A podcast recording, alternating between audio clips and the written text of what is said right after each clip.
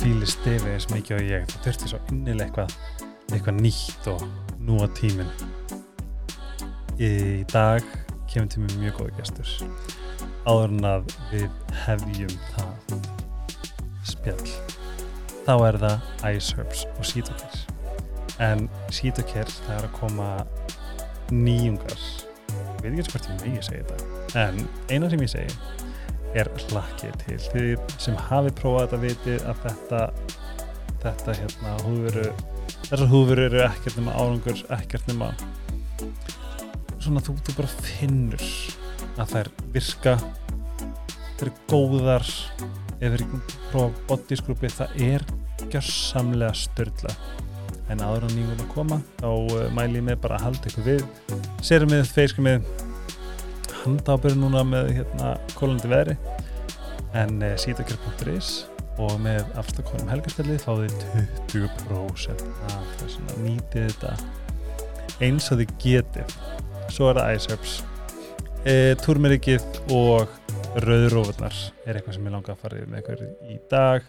En sterka Turmerikið er svo mikil snild ég tek tvær þetta er það er bara eitthvað við það að vera með rót, sterka, superrót vinnandi í kerfinu bólguðandi ég er mjög spenntur að fara hérna, að skoða meira þarmafló, þarmaflóruna og magan en uh, það eru miklu ávinningar og uh, þessi svona mingandi bólgur. Svo eru rauðrófnar rauðrófnar eru náttúrulega bara superfæða per excellence og ég tek alltaf rauðrófnar fyrir æfingar. Þetta er hérna bara náttúr, náttúrulegt pre-workout mjög gott að geta þrjus í stað að ég, ég nefnilega get ekki rauður og safa og ég þól ekki hvað rauður er almennt hérna svona ferskar lita mikið því ég sulla á mikið. Rauður og hilkin eru algjör snild. Ég vonaði þessi að ná þessu fyrir en uh, á heilsutöfum nú er heilstar hagkaup og þar er iSerbs á 25% afsluti þess að um að gera hafa auðvun opinn fylgiði iSerbs á Instagram og skoðiði iSerbs.is þar sem ég sjáu líka tilbúð alls konar skemmtilegt yfir í drottninguna. Hörpu Kára gera svo vel. Halló og velkomin í uh, helgarspjallið uh, í dag er komin til minn gestur sem var að bæta við nýjum títil við sig. Þetta er uh, förðunar sénín par excellence og sjómastjarnan Harfa Kára. Úf og rithöfundurinn líka Já. Er eitthvað meira sem ég er að gleyma?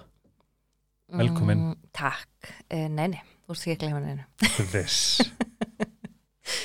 Já, ég held það Ekkert svona, hérna, ekkert svona í skuffunni sem að, sem þú vilt eða ekki nefna en mm, Nei, ég náttúrulega teitla mig ekki sem rithönd eða, sjómastjörnu. eða sjónvastjörnu eða hérna neitt af þessu en ég bara teitla mig almennt sminku Mm -hmm. Hvað sem það nú þýr Förðurna séni per excellence Já, að, ég geti kannski breytt því á jábúnduris þannig að fólk flettu mér upp að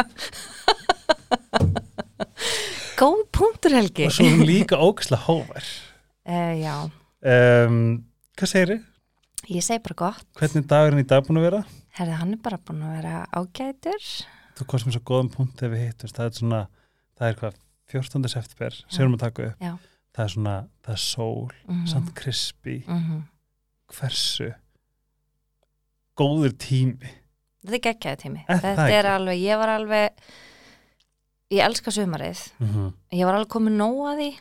Og þú veist í síðustu viku að því ég er varandi mín að vinnu þá erum við líka undirbúið jólin. Mm og með alls konar vörur og þetta sem við erum að selja. Maður er einhvern veginn farin bara í loka ágúst að pæli desember eða hvernig maður getur tilbúin í nóumber með einhverja jólapælingar að ég bara byrja að skoða jólatri á Pinterest og, og pæli hvort ég að panta mér eitthvað jólaskraut á netinu eða hvort að koma eitthvað flott í búðunar Ok, það er samt ég það líka. Ég meiri sem daginn, ég var leiðir. Já. Þess að ég kveikt á jóla playlistanum mínum og hlusta á hann. það er eitthvað við þetta veit. jólin er geggjaðu tími sko. Svo líka svo fyndi hvað við erum, við erum svo sér íslensk, íslenskar verur mm -hmm. að því að í Danmörku til dæmis, Mm ef að það er, þú veist, þeir sko tuða um veðrið frá september -hmm. til svona april, Já. mæ non-stop og svo Mhm. komið sumar og meðan við erum einmitt, ég, er sammálaður ég er alveg bara komið nóas maður bara komið nóg að vera heitt þetta var alltaf geggjað svona síðsumar já, og það var bara fínt að ég let bara manni minn ganga frá útihúsgögnunum og, og svo leiðist til að maður getur komið sér í rútínu ekki alltaf bara með eitthvað nágrana í rósavinni og hafa það kósi sko. nú það maður bara hefjast handa og bretti bermar og, og hefja þetta haust Mhm.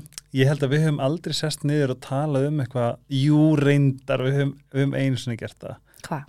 Þegar ég var eitthvað forvittnast um því bara að því að ég, ég, ég, ég er svona, svona hérna dúlla, í hvers skipti sem ég hitti, bara hvað, þú ert svo fucking sæt. Ég? Já, og þá var ég bara eitthvað, þá var ég svo forvittin hver varstu í, í skólanum, þú veist. Mm.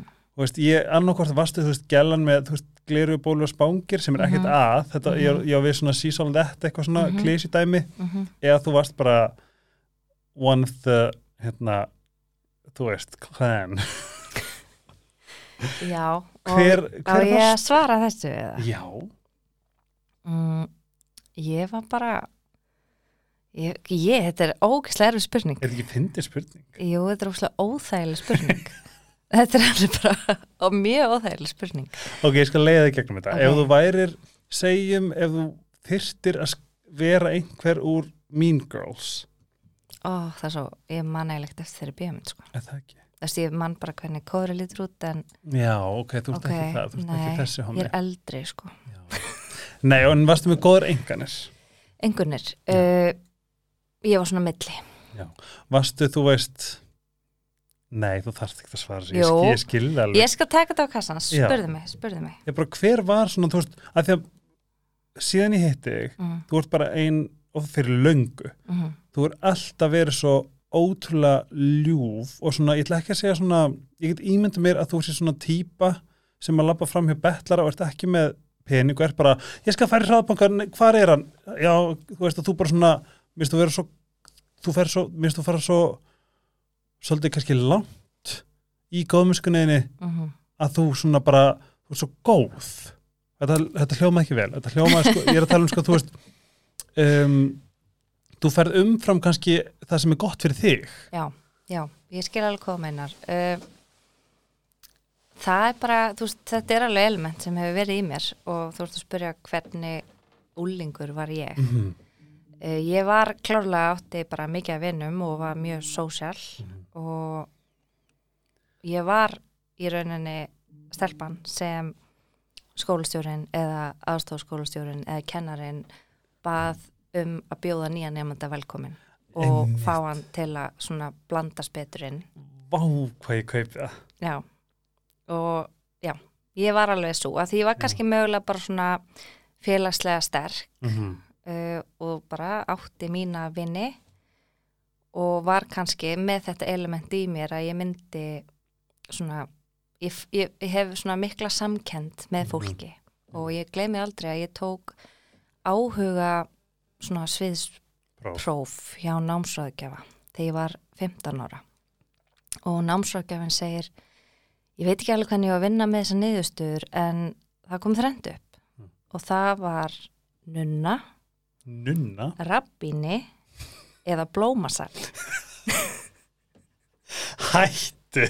Nei, Er almennt bara nunna og rabini í niðurstöða ég bara þú veist, ég bara veit ekki skil, en þetta var neðurstaðan en ég kem sko svona stór fjölskylda mín móðum einn Mhm. uh, ég kem úr svaka presta ætt. Það. þannig að kannski er það element sem blundar eitthvað staðar í manni náttúrulega bara prestar vinna að mörgu leiti við að bara hjálpa fólki og, og, og sálgæslu. Og kannski er þetta mitt teika á, Já, en það er svo fyndið á arfleðina Djók. Nei, sko En núna ertu til dæmis förnafræðingur Já. og eins, þú veist, ég hef unni við það í einhver tíma en náttúrulega bara hárnögl Mhm. með við það sem þú hefur Mhm. hérna, unnið en ég man samt hvað mér fannst gefandi og Mhm. uppáhaldsverkefni mín voru að farða eldri konur Mhm, konur sem að kannski voru óvanar að fara í förðun mhm, og fannst það æði. Mhm, veist, þetta er svona ákveð tól. Já, og ég meina vinnan mín, hún er mjög svona persónuleg. -hmm. og hún er miklu persónulegri en kannski svona manneska sem pælar ekkert í hvernig að vinna sem förðunafræðingur. Þú veist, hún er, við förum miklu nær fólki. Við erum algjörlega bara, við erum svo tannlæknar, við erum bara onni í andlitum. Og við eigðum þá kannski allt frá 20 myndum upp í klukkutíma með fólki. Og það er náttúrulega okkar þá að vera frekar svona þægilegi samskiptum. Skapa umhverfi. skapa umhverfi og láta þessari mannesku líða ágætlega vel Mhm. eða eins vel eiginlega og hægt er. Því að líka þegar þau koma til okkar þá er yfirleitt eitthvað það er eitthvað að fara að gerast. Mhm. að það er eitthvað ástæða okkur þau eru að koma í smík Mhm. ertu að fara að gifta þig, ertu að fara í sjónvarsal, ertu að fara í viðtal? Myndatöku, hvað ertu að gera? Mhm. ásótið eitthvað. Þú, þú ert alltaf að fara að gera eitthvað þannig að það eru líka svona öðruvísi taugar heldur en að sé bara þriðu dagur og þú ert ekki að koma í sminka þegar þú ert að fara heima að setja þvóttavél Nei, þannig að það er svona ákveðin stemning sem að þarf að vinna uh, með Mhm. og vinna í kringum en þetta er svolítið svona mér fannst þessi stemning svo ótrúlega spennandi þannig að þegar ég er tvítug að sannfæra memma og pappa að ég ætla að vera förðunafræðingur og þau eru náttúrulega bara í andlu áfalli, nei ég segi svona skilur en svona, bara skildi þetta ekki Já. alveg þá var það held ég svona í grunninn mér fannst svo gaman að vera inn í stemningunni mér fannst Já. svo gaman að hugsa herðu, við getum verið að gera svona svona svo fer maður í sjónvarsal fyrir mig upptöku, datarata maður alltaf að skapa eitthvað. Þú ert partur af einhverju teimi Einmitt. þú ert að búa eitthvað til og svo kemur það út. Einmitt. og það er eitthvað svona sem að verður pínu háður. Það? Já, Ég hef nefnilega íhugað sko málið, mér fannst þetta svo gaman. Já. Og í alvörinu fannst mér þessi partur vera skemmtilegastur. mm En þú ert líka búin að taka þér stór verkefni. já, Um, eins og til dæmis, ef þú kannski fer með mig inn í prósessið að, að búa til make-up studio hörpukára. mm Þetta hlýtur að hafa verið, þú veist, hvað í fjandan verið að gera? Hvernig var svona ferli? Hvernig var svona ferli fyrir? og ferli eftir eða ferli fyrir sko ég er snillingur í að vaða áfram Mhm, í eitthvað mhm. og pæla ekki í loka útkomni. Vá, hvað það er cool. ég er mjög fljótfær sem getur verið vond. Mhm, en stundum getur það verið gott. Og það er mjög erfitt til dæmis ef sem er meir í framkvæmdum og svona. Maðurum minn var stundum bara trillast bara hvað, herðu, bara því ég bara flott þetta er komið, við gerum þetta svona. Og hann bara nei, við þurfum aðeins að hugsa þetta bara, við höfum ekki tíma til að hugsa út í allt, þá Mhm. gerum við ekki neitt um, þegar ég opna stúdíóið þá ég sérst kaupið, ég var búin að vinna í Mood Makeup skúl Mhm. hjá henni Eigló vinkun okkar Mhm, og ég kaupi Mood og ætlaði að opna Mood Makeup stúdíó Já, bara halda því áfram. Já. og svo bara gerja slutinir breytast en á þessum tíma þá er ég líka að skilja við basfjöðu minn eftir 12 ár.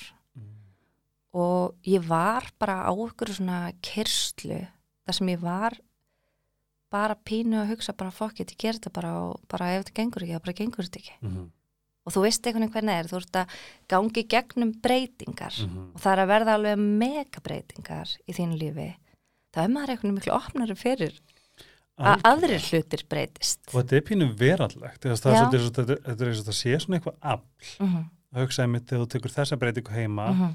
bara fuck it, Mhm. af hverju ekki bara það er hvað sem allt í steik. Skilur við bara þannig að ég held að ég hef kert rosalega orku. Mhm, og bara, já, eins og ég segi ég bara hafði alveg drauma en ég man að þegar Eigló segi við mig hérna, vilt þú ekki bara kaupa mút vilt þú ekki bara, þú veist vera með förðunarskóla og bla bla bla. Og ég var ekki alveg seld fyrst af því ég hefði bara einhvern aldrei pælt í því. Mhm. en svona smá útudur þannig er eiginlega allt í mínu lífi. Veist, þannig hafa rosalega mörg verkefni sem ég hef tekið að mér enda þannig að einhver kemur til mín býður mér það, mhm. ég afþakka það býðst til að hjálpa þeim að finna einhvern annan. Já, svo vill engin annar gera það og ég meðvirka harpa bara eitthvað svona uh, eða þú veist, jú, ég skal þá bara gera þetta hefur verið þannig mjög margt, þú veist, bara já. En spyrðu einhvern tímann af hverju? Af hverju hvað? bara af hverju er ég svona, hvað er þetta? Nei, að þetta er er svolítið þetta er svolítið svona, þetta er mjög skemmtilegt Mhm. og þetta er, mjög, þetta er líka svolítið svona þú veist, þú þarft alveg ó, ég ætla að segja pair of balls en það er náttúrulega bara ekkert stert svona, stert, Mhm. það þarft svona kjark já, þetta, hvað, að ég skilja þetta er svona já eins og ég segi, ég bara, ég held ég veit ekki hvort þess að koma svo illa þú veist, frá mér nei, en, ég er að koma öll þetta frá mig, ég veit hvað þetta en ég einhvern veginn ég pæli oft bara einhvern veginn meira í deginum í dag Mhm.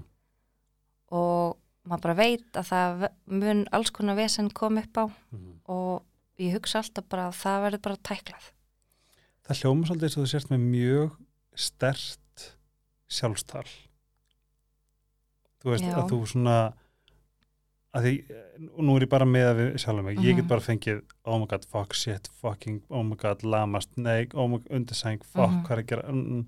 mm -hmm. en þú veist, að þú nærði að grípa þig Já, hvaðan kemur það?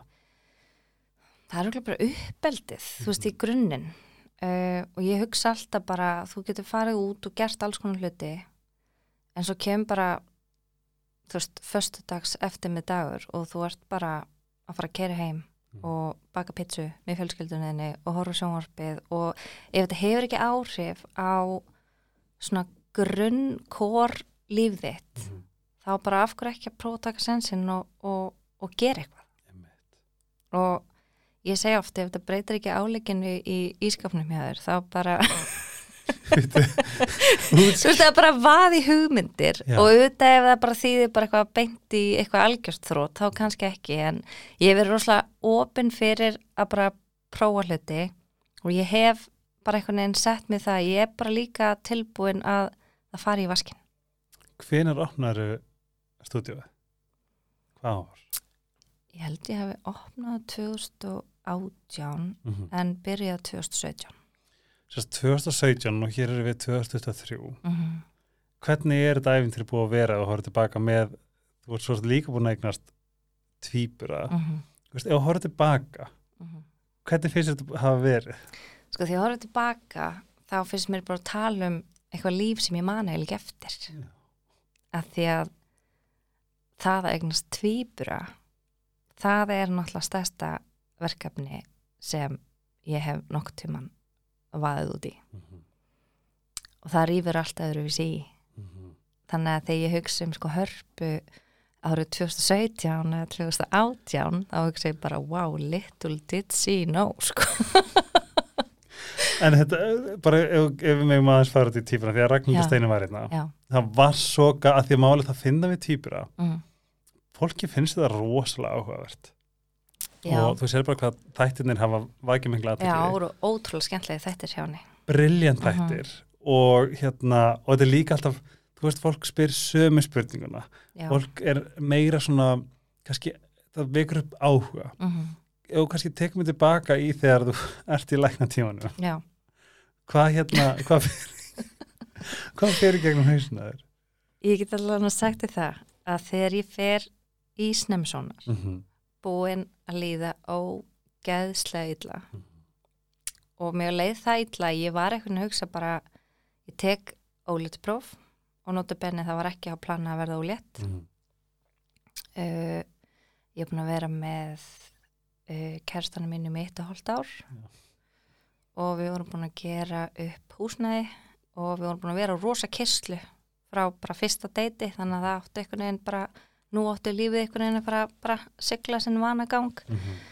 ég fyrir eini inn á sónar og bara, já, er bara þvílíkt einhvern veginn að spyrja læknin bara, þú veist, er, er, er eitthvað annað, er allt í lægi eða hvað, þú veist, er þetta utanlegsfóstur okkur líðið með snýtla og, og hún segi við mig hérna, horfðu á skjáin og, og hér er hérsláttur og ég bara, ok, hérsláttur og segir hún bara strax.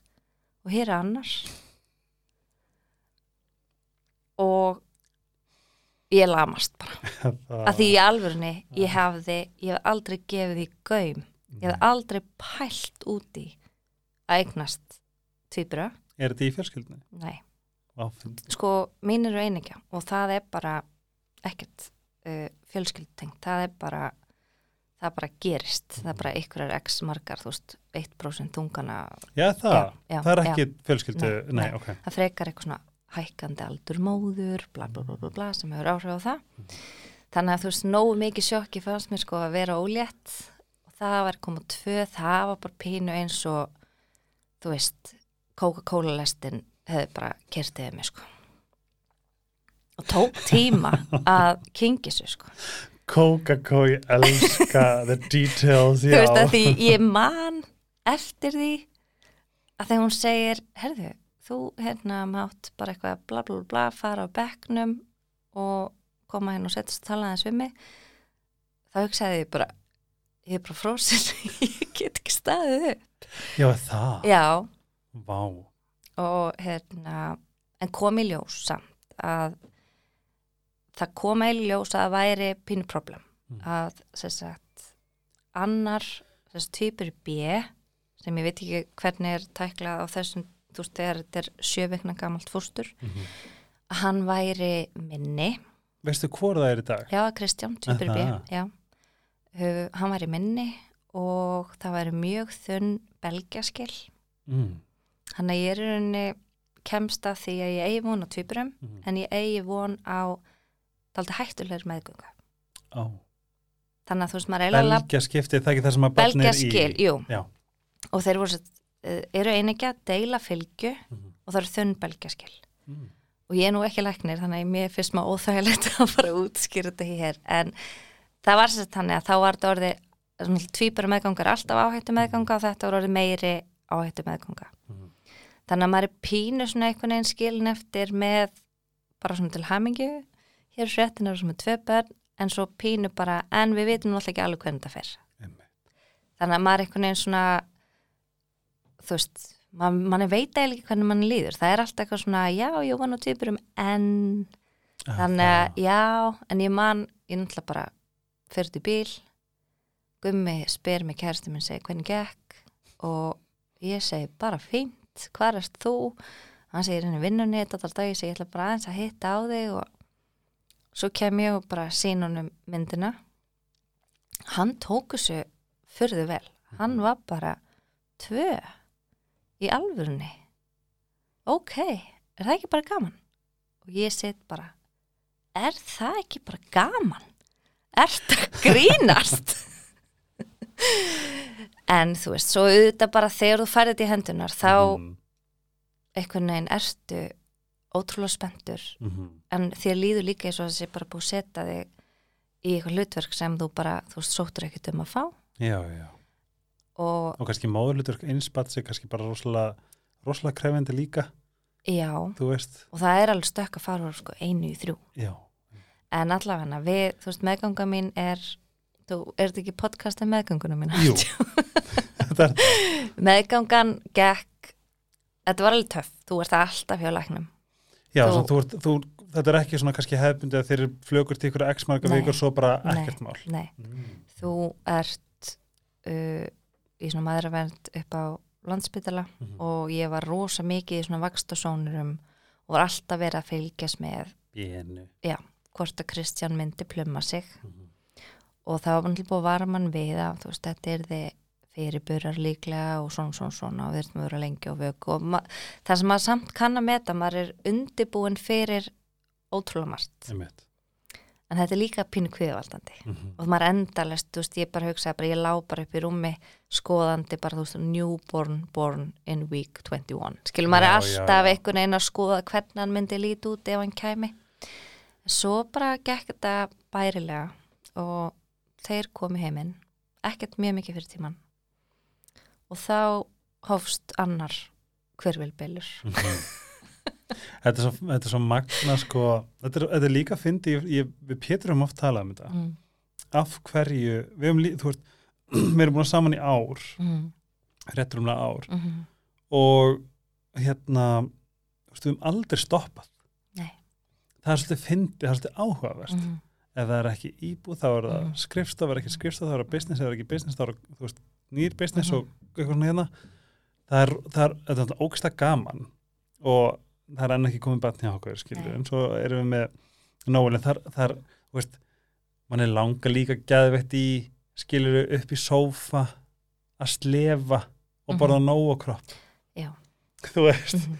en þetta er samt svolítið fyndi hvernig lífið er með eins og sé bara með svona plan Já. Og stundum bara, veist, gerist hlutinir og, og það er nú líka skemmtilega við að fá að lifa að þú planar ekkit allt. Nei. Og það er kannski annað þegar við förum að tala með sem í stúdíói, þú veist, lífið er bara alls konar Mhm. og það er bara gaman að gera alls konar. Þetta tvíbraferðli hefur verið aðeins þingra og tekið meira á en við kannski gerðum ráð fyrir maður var Mhm. pínu svona að því þeir fæðast mjög léttir umhverfað fyrir tíman þannig að við vorum í svona non-stop svona gjafapælingum og við vorum einhverja risa vikt frá Marel þar sem að þú veist þeir fengi að drekka svo voru þið settur á viktina, vikta er Já. hvað er drukku, fá ábót allt þetta og þetta náttúrulega fokkar feitt í sko svefnunniðinum þannig að við í rúslega langan tíma sváum aldrei lengur en 40 myndur í einu. Það Og- er reyndar svolítið brútal. Já, og þeir voru með mjög mikið svona svefnvandamál, mögulega þeir þeir líka bara, þeir fengi aldrei að vera laðir niður og fara að sofa og bara sofa því þeir voru í sem Rútínu. konstant gjöfum. Mhm. Þannig að fyrsta árið þá erum við gummi í sikkur herbygginu með sikkurt barnið Vá. að gefa á nóttunni og vakna og vakna illa res saman á Mhm. annuna Mhm. því að það var eiginlega bara vonlust maður reyndi eitthvað að vera saman í herbyggi saman í rúmi, svo er þetta náttúrulega bara tvö börn og tvíbur er ekkert komnir í eitthvað syng, Nei. bara frá þér fæðast. Þannig að þú veist, einn var kannski að vakna það, veist, og þá var hinn nýsopnaður, þetta var allt, þetta var bara algjörst rugl, sko. Var einhver tímapunktur sem sem þú bara þurftir sennilega bara að segja hinga ekki lengra geða mér seppilu ég tek eitthvað 12 tíma einhvern tíman auðvitað þráður það, sko. Já. en það er ekkert í bóði af því að þú veist, það er bara annar aðili með þér sem er bara alveg jafn kvalin og þú, sko. Þannig að við hérna, en ég, ég, við djókuðum oft með það, sko, kannski hjálpa okkur að vera búin að vera svona stutt saman. Mm -hmm.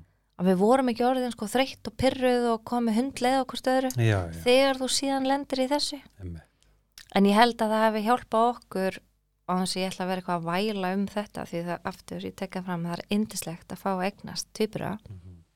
að Gumi kemur úr fótbolta hann er svona vanur að vera í liði Mhm. hann er vanur, þú veist, að fórna Já. sér fyrir liðið Emmi hann kemur líka úr stórum sískinahópi Mhm. og ég er bara einhvern veginn eins og ég er uh, frekar líbó og frekar sennuð svona yfirleitt en þú veist, við vorum það ekkert á ákveðnum tíma en ég held að það hjálpa okkur ótrúlega Mhm. að einhvern veginn tækla þetta Og svo kemur náttúrulega COVID þannig að þú veist, heimurinn Já, já, já. breyttist allur svakalega hvort sem er á meðan Hvenær koma þér? Hvað ár? þeir fæðast 2020, Er það? já, Í hvað mánuð? júli Já, það. Náður rétt þarna gappinu þegar var aðeins búið að opna. Veistu, ég veit það ekki, því Nei. að þegar það kom COVID Já. þá hérna vorum við kölla á fund. Og alltaf breytist allt í, þú veist, í spítalanum og endaði þannig að gummi mátti ekki vera að koma með mér í þess að vaksta svonara og oft var þetta alveg svona pínu tens og óþægilegt. Mhm. og maður alltaf hugsaði bara, oh my god, maður hann ekki vera með? Þú veist, þegar fæðast eða þeir fæðast fyrir tíman er ég þá ein á spítalanum og svona. En að því að ég þurfti að vera hitta svo marga sko svona sérfræðinga að það var alltaf að vera að skoða allt, þá voru við beðin í rauninu um að fara bara í búblu Já. að því að, þú veist, við erum bara með x marga sérfræðinga á Mhm. spítalanum Mhm. og þá vorum við beðin að því að við erum þannig regla, við vorum oft þrísar í viku að halda okkur pínu frá fólki eins og við gátum, þú veist, þú erum ekki að banna okkur að hitta vinn og mömmur, mömmur okkur og pappa og svona en bá okkur um að, að fara mjög varlega því að þú spítalinn mætti náttúrulega bara ekkert við því að missa alla eða fólk væri þess að þú mannskvæmdi var þú Já. að fara eitthvað tvær vikur í sóttkví að því þú varst á byðstofu með einhverjum sem var, veist, var mögulega með COVID Við vorum að tala um þetta í síðasta þætti með ósk bara, mm. veist, maður hugsa tilbaka og maður eiginlega sko, maður eiginlega fer ekki maður vill ekki hugsa mikið út í þetta Mhm. með hvað, hvað sko aðstæða margra var sett í Mhm. hræðilegar aðstæður Mhm. Mhm. Æ, ég bara, þú veist, maður, eiginlega bara æskilu, mm Mhm. -hmm. þú veist, mér líðast að hafa alltaf gerst, bara í, í hvaða Mhm. heimi var þetta Mhm. að gerast En þú veist, ég held að við, við, gummi, við upplöfum COVID ekki eins og margir af því að við vorum bara hana fyrir í ykkur bublu, mm -hmm. vorum svo bara eitthvað ósofin og, og þróttuð í eitt ár heima, skilur við, þannig að meðan hápunturinn einhvern veginn var, þá voru við bara hvað sem er einhvern veginn í okkar. og kannski Að- bara fínt að það sé smá lognóti Já, eða þú veist, að segja, maður bara, þú veist, við komum stæla bara ekkert yfir það að vera að pæla nánast í öðru, sko. mm -hmm. þú veist, því að það var bara eitthvað neinn mér finnst þess að ég gett að væla og tuða, Nei, ég er alveg bara ef mér að tala um eitthvað annað já. við getum farið eitthvað annar mér finnst ógeðslega áhugavert að, heyra þetta og sérstaklega sko Ragnhildur hún vakti upp bara eitthvað svona smá bara eftir að ég horfði alltaf þættina það er bara eitthvað svo fascinerandi já, þú veist, hún bauð okkur á hérna frumsýninguna og við settumst neybi og sæl og ókslega gaman og, og bara alltaf snilda þáttur, fyrsti þáttur og svo löpuðu við gummi út í bíl og gummi sagði bara veist, þess að ég hef aldrei áður lend mér fannst ég bara að horfa á líf mitt Fyndið. á skjánum, af því að Já. þú veist ef þú átt ekki týpura Mhm. þá getur alveg ímyndaðir eða setti ykkur spór en það er bara allt annað skilningur þú átt líka týpura Mhm. ég, ég spurði held ég, ég spurði hann út, út í þetta en er ekki einhver svona styrtar einhver Facebook-hópur eða eitthvað þar sem maður getur svona spekla sig með ég öðrum veit ekki, jú, örgulega ég er mjög léleg að pæla í svona hópum sko, Já. við getum allavega orðað þannig að ég var í með með hóp allavega Mhm. og sem kannski súmur upp stöðuna ég hitti það einu sinni því ég var ólétt og ég er ennþá í þessum hópi. Mhm. en ég var aldrei hittar eftir ég egnaðast börnin. Og þau eru þryggjára svo Þannig ég er svona silent partner sé allt slúðrið en teka ekki þátt í umræðinni svo er þið bara eitthvað svo ógeðslega sætir með hári sitt Já. og það er ógeðslega gaman að fylgjast með og virka mjög aktífur heima líka. Já, þeir eru alveg já, þeir eru alveg þeir eru snar, við getum bara sagt það þannig og ég, ég fatta það eiginlega ekki en ég fæ þú veist vinkunum mínar sem eru kannski með eitt lítið barn mm -hmm. og þær eru bara eitthvað bara harpa, ég er bara fyrir ekki en þú veist, getur tekið barnið af borstofaborðinu því að hann er bara að fara að detta á gólfið og ég er orðin bara einhvern veginn svo ónæm bara, Já. já, fyrst er þetta óþægilegt Já. á ég að færa hann, þú veist, þess að maður sé bara veginn með tvo kvolpa sem eru einhvern veginn, en maður Mhm. þarf líka og maður lærir það, Mm ég fer úr því að eiga eina stelpu yfir hafa tvo stráka. mjög virka stráka. Mm og maður einhvern veginn lærir bara að bara slaka þess á. -hmm. en maður verður eiginlega bara að gera það. Ég held það. Annars ertu bara að springa á tauginni allan daginn. Einmitt.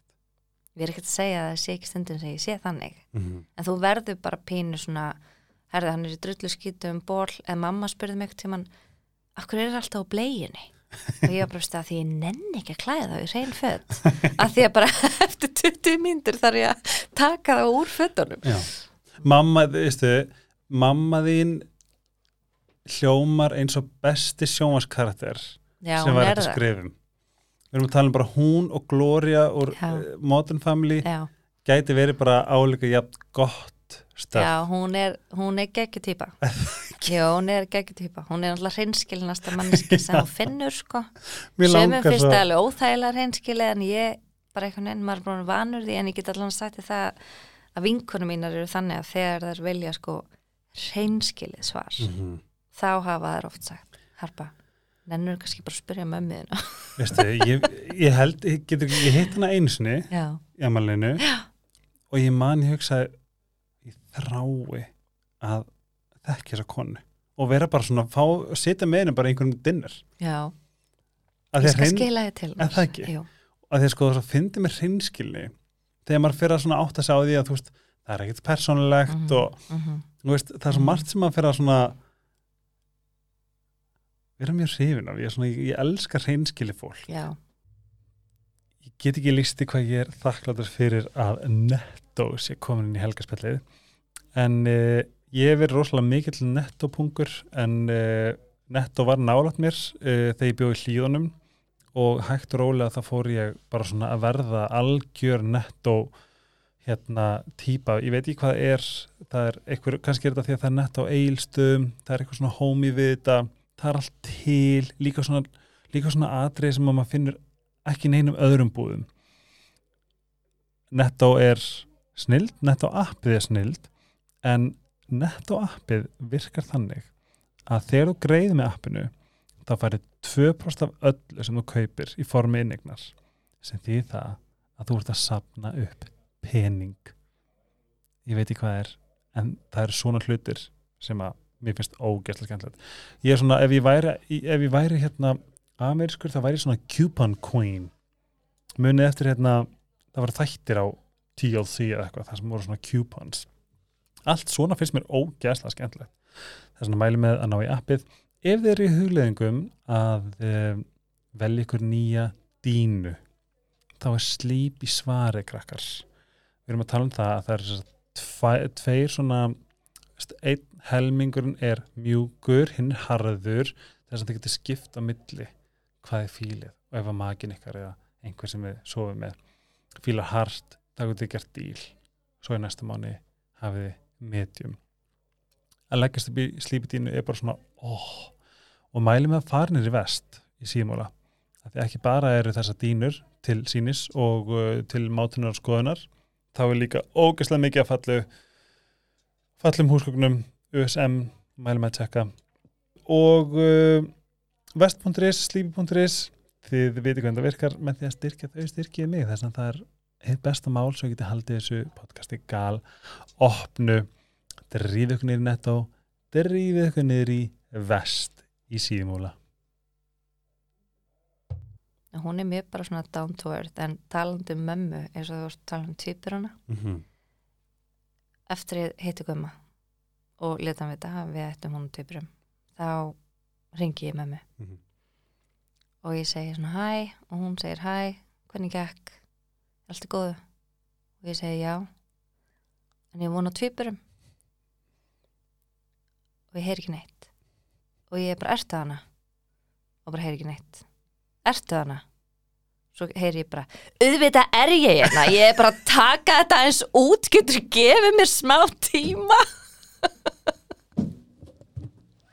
Því aftur ef við spólum til ári, ársins 2017 Já, þegar ég er að kaupa hinn skólan Mhm. og er að fara að opna, þú veist make-up studio þá er ég með eitt barn og ég er einstæð með eitt barn og hún hljóp mjög mikið inn tilbaka, hún hjálpaði mér svakalega með barnið mm -hmm. og var búin að vera mjög virk, þú veist, í öllu sem við kemur henni, þú veist. Að hún vissi þá náttúrulega bara, hún var alveg bara ok, ég var, ég var til í þetta. Já, já, já, já. En ég veit ekki alveg hvort ég sé til í þetta líka Það er þetta okkur svona fallegt en hann vil líka bara vera að spá í bara hvað sjálfur sér. sem maður á að gera já, auðvitað, auðvitað. En förum aðeins yfir í stúdíóið. Já, það sem að mér finnst vera svo magnaður að mér finnst að vera eitthvað svo fjölþægt mm. og það er eins og hugarheimurinn að þú svona involverið svolítið hugarheimurinn inn í allt þetta batteri það hljóma kannski einfalt að vera bara hérna make-up skóli mm veist- við erum náttúrulega ekki make-up skóli Nei. þó að við, jú, eða þú veist Aslands að við erum ekki make-up skóli við erum make-up skóli. Þeir eru ekki bara make-up skóli. Nei, Já. þú veist, make-up stúdjó og upphaflega pælingin með make-up stúdjó, ég veit ekki svona hvort því sé ennþá komin á þann stað Mhm. með stúdjóið þar þanga sem mér langar að það sé. Segðu okkur frá. Því að ég var bara með þessa hugmynd að opna rými Mhm. sem tengdist náttúrulega mínu fæi Mhm. og áður en ég opna stúdjóið þá er ég náttúrulega búin að gera alls konar hluti ég er búin að vinna mjög mikið fyrir sjónvar mjög mikið fyrir tísku uh, ég er búin að skrifa bók skrifa bókar 2016 uh, ég er búin að vera reit, förðanreitstjóri glamúr Mhm. tísku tímaritsins, ég er búin að gera alls konar og búin að vera bara í alls konar verkefnum og mér langaði svo eitthvað þetta er því svona miðstöð þess að gera alls konar Mhm. tengt mínum geira Mhm. og uh, sko aðal kannski fókusinn til að byrja með til að geta borgarnegu framkvæmdir og annað var að sjálfsögðu að halda námskeið Mhm. og hjálpa þeim sem hefðu áhuga að fara svipaða leið og ég kaus að gera þannig tvítug að búa til svona góðan stað þar sem við leiðbeinum kennum Mhm. og hjálpum þér að feta þig í þessu hlutverki eða í þessu starfi Mhm.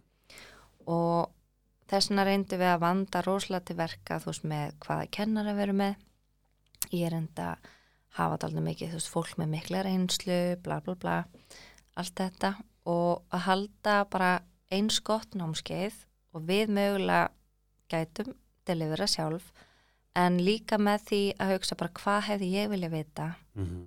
þegar ég var 20 ára Einmitt. og var að velja mér þetta ekki það sé bara 20 ára krakkar sem koma til minn í skólan en ég er svona fókusera svolítið á, ég er ekki bara endilega fókusera á að kenna ykkur ákveðin lúk að Nei. kenna þessa tekni, ég er líka pínu að svona reyna að stempla inn ákveðin mindset þannig að þið líður sérst smá meira tilbúin Mhm. til að takast á við það sem verður í búði af því að aftur eins og hjá mér þegar ég ákveða að fara fyrst á Íslandi Mhm. í förðunám og að fara bara hvað, þú veist, það er bara 16 ár síðan þá vissi ég alveg gróflega hvað ég vildi gera en ég hefði ekki hugmyndum að ég gæti gert síðan allt það sem við erum búin að vera að gera. Mhm. og ég fengi að stikla á alls konar uh, jobbum í gegnum tíðina. Þannig að ég er svona, mér þykir ótrúlega væntum ég hef í dag bara tvö svona námski ári að því maður pínu klárar sig líka. Maður að gefa óslega mikið af sér við bættum við því sem heitir starfsnám þannig að maður er einhvern veginn svona reyna að, að pimpa krakkana út og senda hinn og þessi verkefni og aðstof fyrir bíó og sjónvarp og myndtökur og alls konar Mhm. en svo þarf ég líka mína pásu og þarf að fá að vera gamla góða sminkan Mhm. sem fer sjálf út að vinna Einmitt. og gerir hluti svo ég hafi eitthvað að gefa Einmitt. þegar það hefst nýtt námskeið Mér finnst þetta um vera svo fallegt að þú veist, þú greinilega tekur þessa nálguðina sem hún notar á vini Mhm. og vandamenn þú ert til staðar mm -hmm. það er eitthvað sem ég finnst svo sjarmirandi og einmitt líka sem vantar og, veist, vissulega bara í allt skólakerfi að undirbúa fólk fyrir nýjan heim sem er ólíkt kannski því sem maður hefur gert mm -hmm. mér finnst það að vera dásalegt Já, og svo finnst mér, þess að ég hugsaði líka með því að ég geta allavega svona miðla minni reynslu mm -hmm. Og sagt þeim alls konar reynslusögur, reynd að koma þeim í verkefni þannig að fái svona kannski, ég segi þær sorry, það er bara búin að vera miklu fleiri stelpur en Mhm. ég hef alveg verið með nokkra stráka. Mm -hmm. Uh, þannig að fólk líka einhvern veginn bara átti sig kannski þokkala hratt er þetta eitthvað sem er langar að reyna við? Eða ætla ég bara að halda áfram að fókusur á veist, þessu námi að gera þetta og gera þetta svona til hliðar? Því í grunninn byggi ég námski upp að þú ætlar að koma og þú ætlar að reyna að hefja einhvern feril eftir þetta stuttanám sem mætti alveg vera lengra Mhm. en það er bara ekki hægt í bili því það er, ekki veitt neinn lán eða neitt fyrir þessu og það er náttúrulega bara annað vingil sem ég skal kannski ekki töða hérna en ef þú pælir í því Algjörlega. þetta er galið, þetta er þú veist andlitin á leikurunum Mhm. sem þú horfir á í Einmitt. bíómyndunum eða leikúsunum, þetta eru andlitin á öllum sem þú horfir á í sjónvarpinu Mhm. Þetta skiptir, af því hvert leitar auga þú horfir á skjá, það leitar á andlit Mhm. og við erum á Íslandi svakalega eftir á að hugsa til þess að það sé ekki reynda að íta undir að ykkur leiti að fólk geti sótt sér lengri og dýbri mentun Einmitt. í þessu og ég hef reynd alls konar en við erum bara ekki til í kerfinu ég segi alltaf í svona í djóki við erum svona fæið mitt, við erum svona eins og flóttamaður án vegabrefs bara þú ringir eitthvert að þú vorst að spyrjast fyrir, þú veist hvað get ég gert svona, svona, svona. Og það er bara ekki hægt að fletta neinu upp um þessa starfsemi, Já, er það á það er þannig. Finn, Þannig að við hérna náttúrulega hefum ekki getað bóðið upp á þú veist það sem er svona sérhæft fyrir kvikmyndir og svoleiðis. En ég hef alveg verið með stóru drauma og langaða að fá veist, til liðs með manni alls konar fólk sem gæti mögulega hjálpa því ég er ekki að fara að kenna þetta. En sjáum til, kannski kannski þetta, en einhverju að hlusta. Já en, svo ég klári, af því þú ert að spyrja um stúdíóið, þá erum við náttúrulega líka með alls konar bara verkefni inn í stúdíónu og við, söngakefnin, sem dæmi uh, oft erum við líka bara fyrir alls konar myndatökur og annað, þá hittist krúið þarna, Mhm. það er verið að dressa mála, græja, allt og það erum við með svona base hjá mér, uh, við gerum líka bara alls konar basic myndatökur Mhm. að því ég er með svona smá ljósmyndastúdíóðana líka. Svo erum við náttúrulega með allt frá að vera bara helgarnámskeið yfir í námskeið fyrir eldri konur yfir í vinkunuhópa, yfir í úlingarnámskeiðin og þar kemur þú náttúrulega inn, því þú ert búin að vera með okkur frá fyrsta degi og það er svo fyndið þegar þú talaði við mig og þú veist að það, það, það er líka svo ótrúlega þú veist, magnað hvað þú veist, ég veit hvað ég vil mm -hmm. og sérstaklega bara núna sérstaklega bara síkast ég er búin að vera í svona einhverju krísu bara með sjálf og mig og hvað ég vil Mhm. gera og þú veist, það er algjör svona þú veist, ég er ókslega montin og þakkláttu fyrir að þú hafið svolítið svona dreygim í eitthvað sem ég veit ekkert hvort ég hefði um, lagt í ég haf svona fengið kjarkin til þess að koma mér í og þetta úlinganámski er eins gefandi það sem, það sem er líka svo magna Mhm. sem er eins gefandi fyrir mig og okkur Mhm. og það líka. er fyrir þær já. nú, nú var bara við stelpur nú var bara við stelpur já, ég er sammála því að ég man ég var ég var á ferðalagi fyrir norðan og ég fer eitthvað neina að hugsa þetta þú veist, já, ég vil gera svona úlingarnámskeið sem væri hérna gæti svona hjálpað krökkum Mhm. kent þeim, þú veist, eitthvað make-up tengt á svona eins heilbriðan máta og hægt er, en líka gert þetta svona uppbyggjandi og ma maður hugsaði, þú veist, hvað var í gangi þegar við vorum krakkar, þá voru Eskimo eitthvað námskeið, þá var svona eitthvað mótali og ég fór, ég fór, já, ég fór ekki af það, þannig ég veit í raun ekkert um það, ég bara man eftir. Já, og þá hugsaði ég, ég hef ekkert séð mikið svona. Og, og hugsaði bara líka þetta er akkurat aldurinn sem að margir droppa úr því að vera að æfa íþróttir Mhm. svo kannski maður æfa fimmleika eða fótbolta, handbolta eða eitthvað. Svo ertu orðin svona táningur og annarkvort ertu búin að missa áhugan Mhm. ég er alls ekki að segja allir gera en Nei, það nei, kemur fyrir einhverja og þá hugsaði maður, þú veist, það er ekki gaman að búa til eitthvað prógram þar sem þú getur samt haldið áfram að æfa eitthvað og gert eitthvað. Eh, sem tengis kannski bara því sem þú hefur meira áhuga í dag.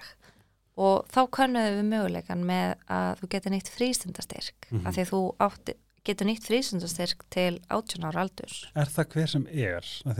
Bara öll börn. Mm. Held ég að ég sé að fara með rétt mál ég skoða náttúrulega me mest bara þannig að höfubruksvæði Mhm. uh, fá útlutan frístundastyrk þessum fóreldrar geta notað heldur mishátt eftir sveitafjölum Mhm. og þetta námskeið sem þú kemur inn á sem er þetta tíu vikna ungmennámskeið þar sem við mæta einu svona í viku Mhm. í einn og halvan tíma það er, við fengum samþykki fyrir að nýta frístundastyrkin í það og ég hugsa svo oft að því við höfum ekkert mikið talað um þetta út á við. Nei.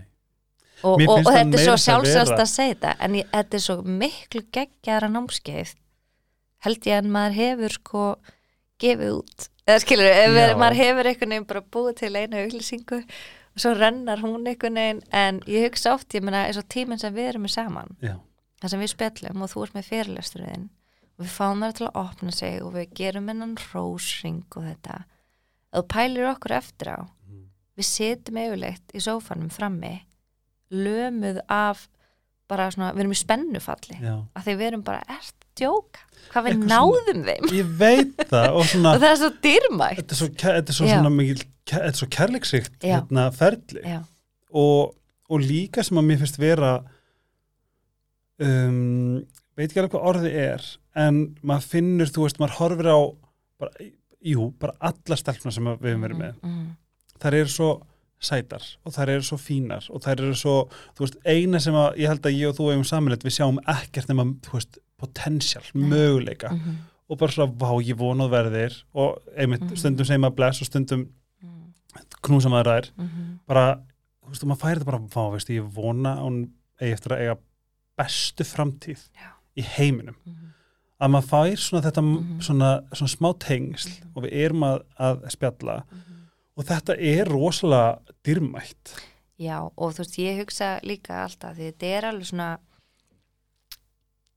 ég hugsaði alveg þegar við vorum að byrja með þessi námskeið það hugsaði alveg þetta er eiginlega svona aðeins alvarlegra en hinn námskeiðin því þú ert að taka á móti barni einhvers mm -hmm. og þú ert að planta fræjum Mhm. eins og í þínum tíma. Þú ert að kenna þeim sjálfsást og að setja mörg og sjálfseflingu já. og hvorki ég enni þú með eitthvað sjálfsfræði mentun eða svoleiðis, við leiðum öðrum að sjá um það í öðrum Mhm. tímum. Að þetta er ótrúlega svona ég hef oft hugsað bara, wow, ertu komin út á hálan ísa því þetta er ekki þitt sérsvið. En svo ef maður hugsa bara kærleikan því maður fær þessa krakkin og þetta er þú veist aldrun 12 til 17 Mhm. og sömur eru hafa rosa mikið áhuga á förðun og og aðrir hafa aldrei snert förðun og pensil. Og það þarf fyrstalega ótrúlega mikið kjark að þóra að mæta á svona Einmitt. ég held að ég hefði ekki mætt ef mamma hefði skráð mig. Ég dáist það nema ég hefði farið með fjórum vinkunum mínum eða eitthvað skilur þannig að það er mæta hana titrandi og skjálfandi mm sálir en þeim langar að vera -hmm.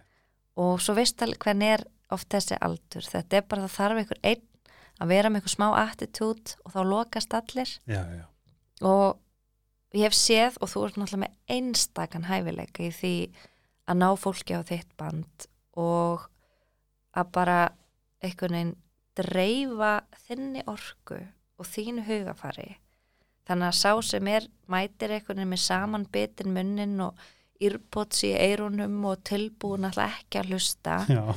og það fólk bara bráðnar eins og ykkur rjómæs fyrir fram að þig í lók tímans.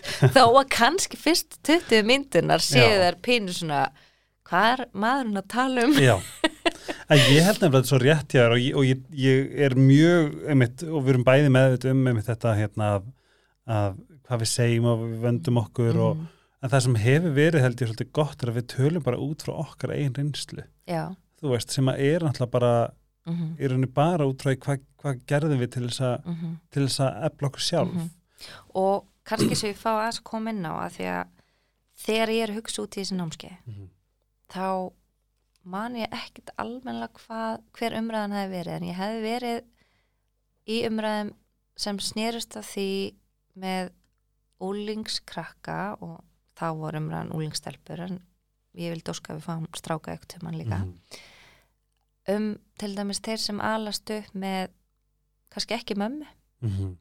alast bara upp hjá föður Mhm. eða alast bara upp hjá móður veist, og þetta er svona að því þetta byrja að mála sig, hugsa um húð svona út á við hugsar fólk frekar neikvætt en jákvætt eða Mhm. þú ætlar að setja þetta samingi með börnum Mhm. en maður hugsaði svona en það að krökkum þann úti sem einhvern veginn fari ekki á sama plan og fóreldranir eða nenni ekki að hlusta á hvað fóreldranir segja þeim að Mhm. gera og þá hugsa maður, þá eru við einhvern veginn byrjun að bjóða okkar aðstóð um að gefa þeim sko verkværi Mhm. eins og fóreldri myndi gera Mhm. en það komi frá okkur um öðrum og og ég held að eða ég held ekki að ég veit að því ég er búin að fá skriljón, triljón posta frá fóreldrum um að þessi námskeið hafi hjálpað svaklega mörgum. Og- ég, ég, ég, ég, ég fæ bara svona það er mm mesta, Mhm. bara mesta Mhm. ánægja. En svo talandi um að því þú ert að tala um að eitthvað séu ofgóður og næstu ofgóður þannig að áhrif á mann sjálfan. Mm þar ert þú náttúrulega líka. Algjörlega. stundum hef ég hugsað bara Guð Helgi þegar þú ert bara bjóðum endalega samskipti og svona svona svona og ég hugsa bara hvað hva á hann að geta tekið við mörgum skilabúðum frá þessum indislu úlingum sem Já. koma? En maður finnur bara þú, þú getur stundum ekki hægt að bjóða fram hjálp. Ég er bara, bara hvað hva, hva get ég gert að þetta er líka svo fyndi, bara þegar við tölum saman sínum um dagi, bara herðu hérna, ég er, ég er að fara hérna, ég er að grífa með taxa og fyrsta sem ég er bara hérna, veist, þetta er bara svona eitthvað svona ímanni bara, Já. hvað get ég gert? já, Á ég, legg, á ég að pitchin þú Já. taxan eða vilt að ég koma að sækja þig?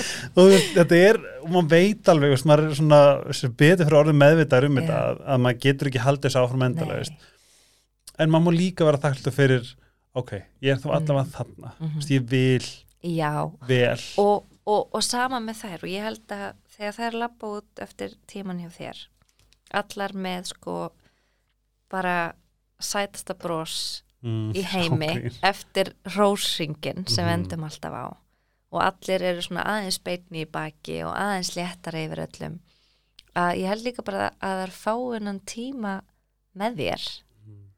og að þú hafir svona opnir á eitthvað hjá þeim ég held að Ó, það líka bara mikið, þú veist, sko. þeim þykir vænt um það og ég held að muni alveg margar muni muni eftir þessu lengi Ég held nefnilega líka, líka við fá, eins og við höfum rætt, Mhm. þú veist, þetta er hérna, stöttu tími mm. en ég held að við höfum bæði og þeir sem eru að hlusta, við munum alltaf eitthvað já og það er þessi fræ mm sem einhver sagði okkur einhver tíma Mhm. stundum eru við ekki tilbúin til þess að fatta býtu hvað, ég veit ekki hvað hann að tala um Nei. svo kemur annar tími sem þú hugsar að það er þetta. Mm er mitt, -hmm. Þú veist, ég, til dæmis mamma sagði einhvern veginn við mig, oft maður satt kjörtleikja ég var í fimmtabæk Mm þetta er fræ. Algjörlega. Og í fimmtabæk fattaði ég ekki neitt. En í dag, guðmgóður maður grýpur þetta svo oft. Hei, mm já, ég þarf ekki að segja þetta. Nei, veist, algjörlega. þetta, þú veist, þetta er líka sem ykkur svona þegar það er eitthvað svona vesen skilju og ég get, þú veist, maður, maður til sig geta bara komið eitthvað gett hérna högg, mm en það má oft bara satt kjörtleikja og þú bara verndar þinn einn frið skilju -hmm. en það sem ég finnst líka og ég er alveg óhættur að segja Mhm. ég held að sé bara erfitt fyrir ungt fólk að þrýfast í nútíma samfélagi já, ég held að þetta er svo mikil mikil hraði og þetta er svo mikil svona skamtíma dópamin mm mikið til að bera sér saman við. Já, og bara alltaf mikið af upplýsingum mm að ég þrá eiginlega ekkert meira að ég vildi óskast við getum bóðið upp á þetta daglega og bara Já. daglega værum við með nýjan og nýjan hóp sem við getum bara knúsað ekki líkamlega því að nei, þú veist það væri og knustu mig neðar skrítið. Nei hérna bara teki, bara verið með einhverja ósynlega vangi Já. og bara, bara gert Mhm. allt fyrir einmitt bara að þú veist, geti ekki bara gert eitthvað. Mm þú veist, viltu, viltu spyrja mig af einhverju sem ég get mögulega aðstöða með? -hmm. þetta er, þetta er alveg hjartasmál. Já, þetta er hjartasmál.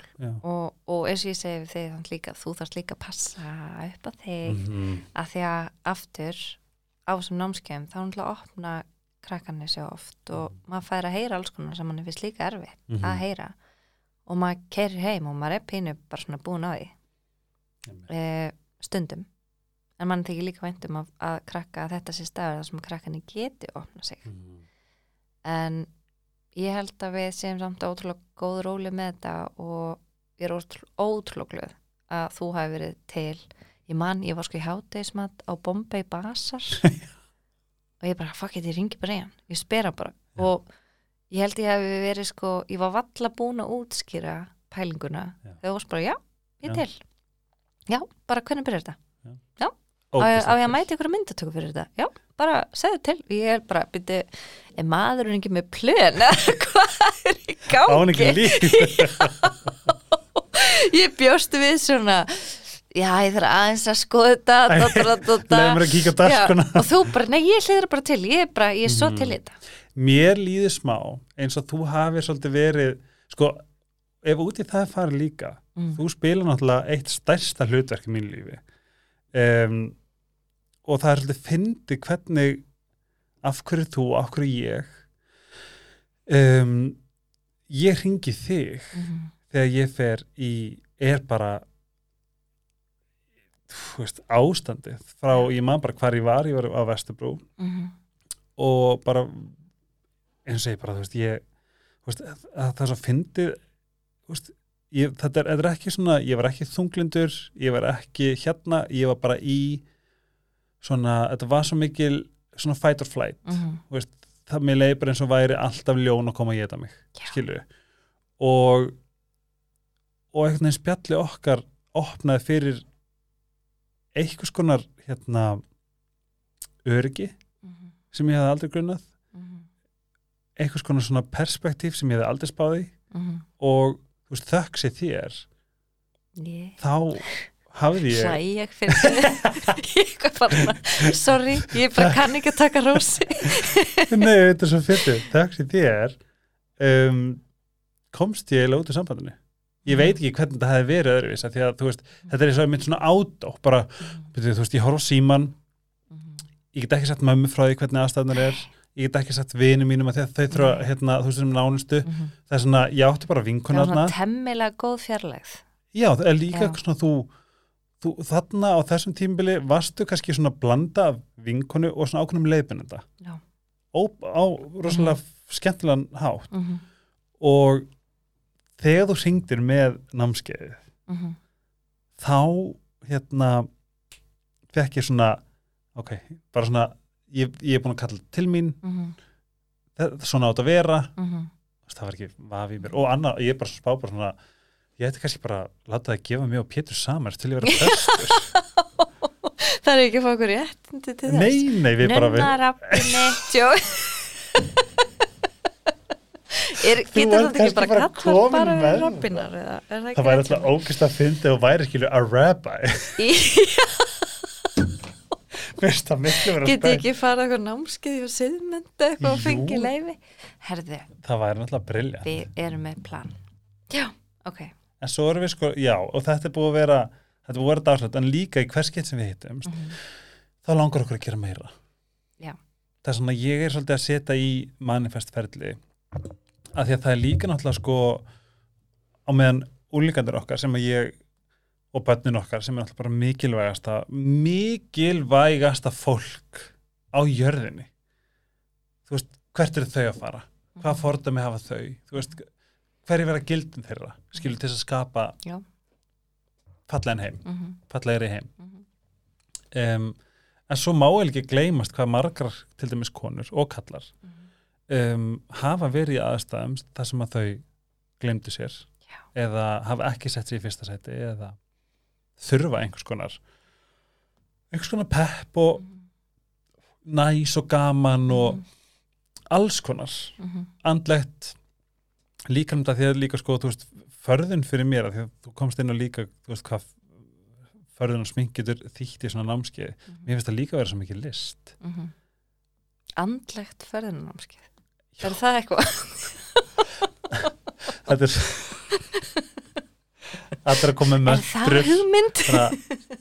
málaðum í möntrum. Já, en sem við gerum reyndar í hérna í okkar námskeið að við, við potum í stelpunar og það þurfa Já. þær að koma með hérna hrósa sjálfur sig Mhm. í speklinum Mhm. og það var mjög gaman að fylgjast með því að sérstaklega einn hópurinn Mhm, það er kildu Mhm. á það. Þetta var skrítið fyrsti ringurinn og, og eitthvað svona.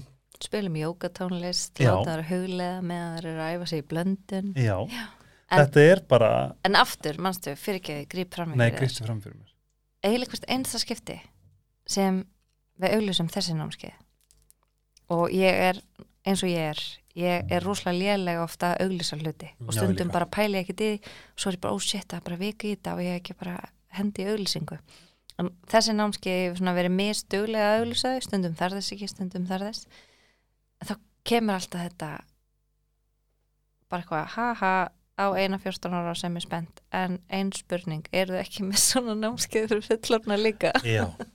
og þú, ég veit að þú lendir oft í líka já, bara þetta er búið að vera hérna, og einmitt, ég fæ rosalega mikið alltaf því deili bara svona, ég vil líka en ég er Mhm. gömul, Mhm, eitthvað mhm, svona mhm. það er svona, mér langar að, mér langar að setja í, á lagnar að við höfum bara ógst að næs.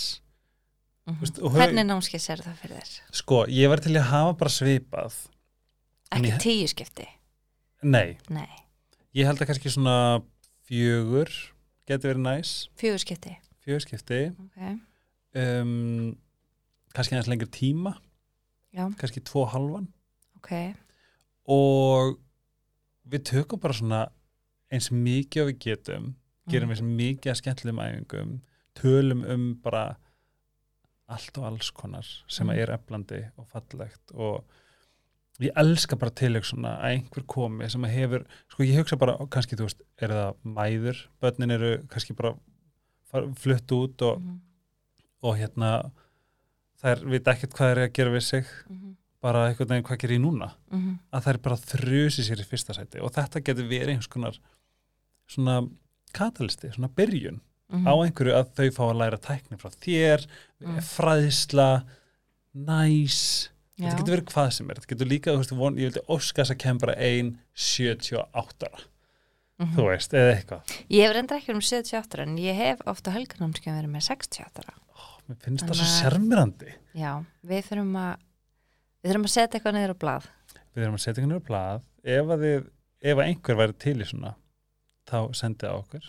Senda það helga. Ég er svo að svara ég nei, ég skal, ég mun, ég mun, þetta er alveg ofalegt mm, það er meira svona það sem ég nenni ekki að það er oft sem að svona, ég fæ samvinskupið þegar fólk er reakt á stóri mín. Ég er bara svona, úf, á ég, Já, á ég að svara? Er ég leðilegur en Mhm. ég, ég reynist mjög ég, ég, þetta er náttúrulega minn stærsti kvevaldur sko, mhm, I do my best. Mhm, I promise. Ég veit það en þetta finnst mér vera og stu, von, veistu, ég er það sko að því ég er búin að vera sem mjög krísu. Já, ég er bara svona sagt þér hér Já. og ykkur sem er að hlusta. Já, ég er bara datt í bara geðveikt stóra krísu bara hvað er ég raunverulega að gera? Hvenar hellist þetta yfir þig? um, þetta heldist yfir mig kannski í ágúst Ok, og svo aftur svona í september þegar svona höstlið byrjar áfram. Já sem er búið mhm, og það bara einhvern veginn fyllist alltaf hérna alls konar tilbóðum samfélagsmiðla, mhm, alls konar útfærslum og það er ógæslega mikið að gera það vilja allir bita kökunu og maður vil gera allt en kannski hefur ekki andlet kapacitet í allt. Mhm. og svona þetta höst, þessi eldingaleikur sem að mér finnst bara ógæslega krefendi Það er það. Ég er einhvern veginn svona eins mikið þú veist, ég er búa maður og týpur, ég á að vera út um allt rosa gaman, Mhm, en núna finnst mér tilöksunin að geta gert eitthvað sem er inn, veist, hefur innilega þýðingu fyrir mig. Mhm. að í rauninni helgaspjalli getur orðið, að einhverju öðru það sem ég get, sem ég get í rauninni hitt fólkið. Mhm, þú veist, ég sé bara tölur. Ég fæ mhm, vissulega rosalega mikið af fallist skilubóð sem ég hef heyrt. En þetta er samt einhvern veginn ekki þessi tenging. Nei, og ég sé ekki fyrir mér að ég geti gert það án þín með það svona það sem við múum að gera. Það er svona ég vona að það væri til. Það er svona svo kemur harpilókin og kennur okkur að gera ælanir já, já, já. Að ég held bara að sko ég, ég sko ég má bara til mig skrefi að fara í bjargalíð Mhm, að ég, ég hlusta á þegar eftir að ég svona áttaði mig á mínum hlutum. Mhm, það er, þú veist, jú, mér getur hlusta á podcast þú getur lesið alls konar upplýsingar og bækur og hérna. Og það fer ákveðið djúft. Bjarkalíð opnaði bara einhvern veginn algjörlega, þú veist, allar dyr þar sem Mhm. að ég vissi þetta væri raunverulegt og ég væri ekki klikkaður. Og að, að það sem, hvernig mér liði að það skiptir raunverulega máli, ég á Mhm. ekki bara einhvern veginn að harka mér, ok, verið einhverju hotni, mhm, mhm, ég bara, ég bara gætt mætt mannesku sem að mætti mér með skilning mhm. og stuðning. Já.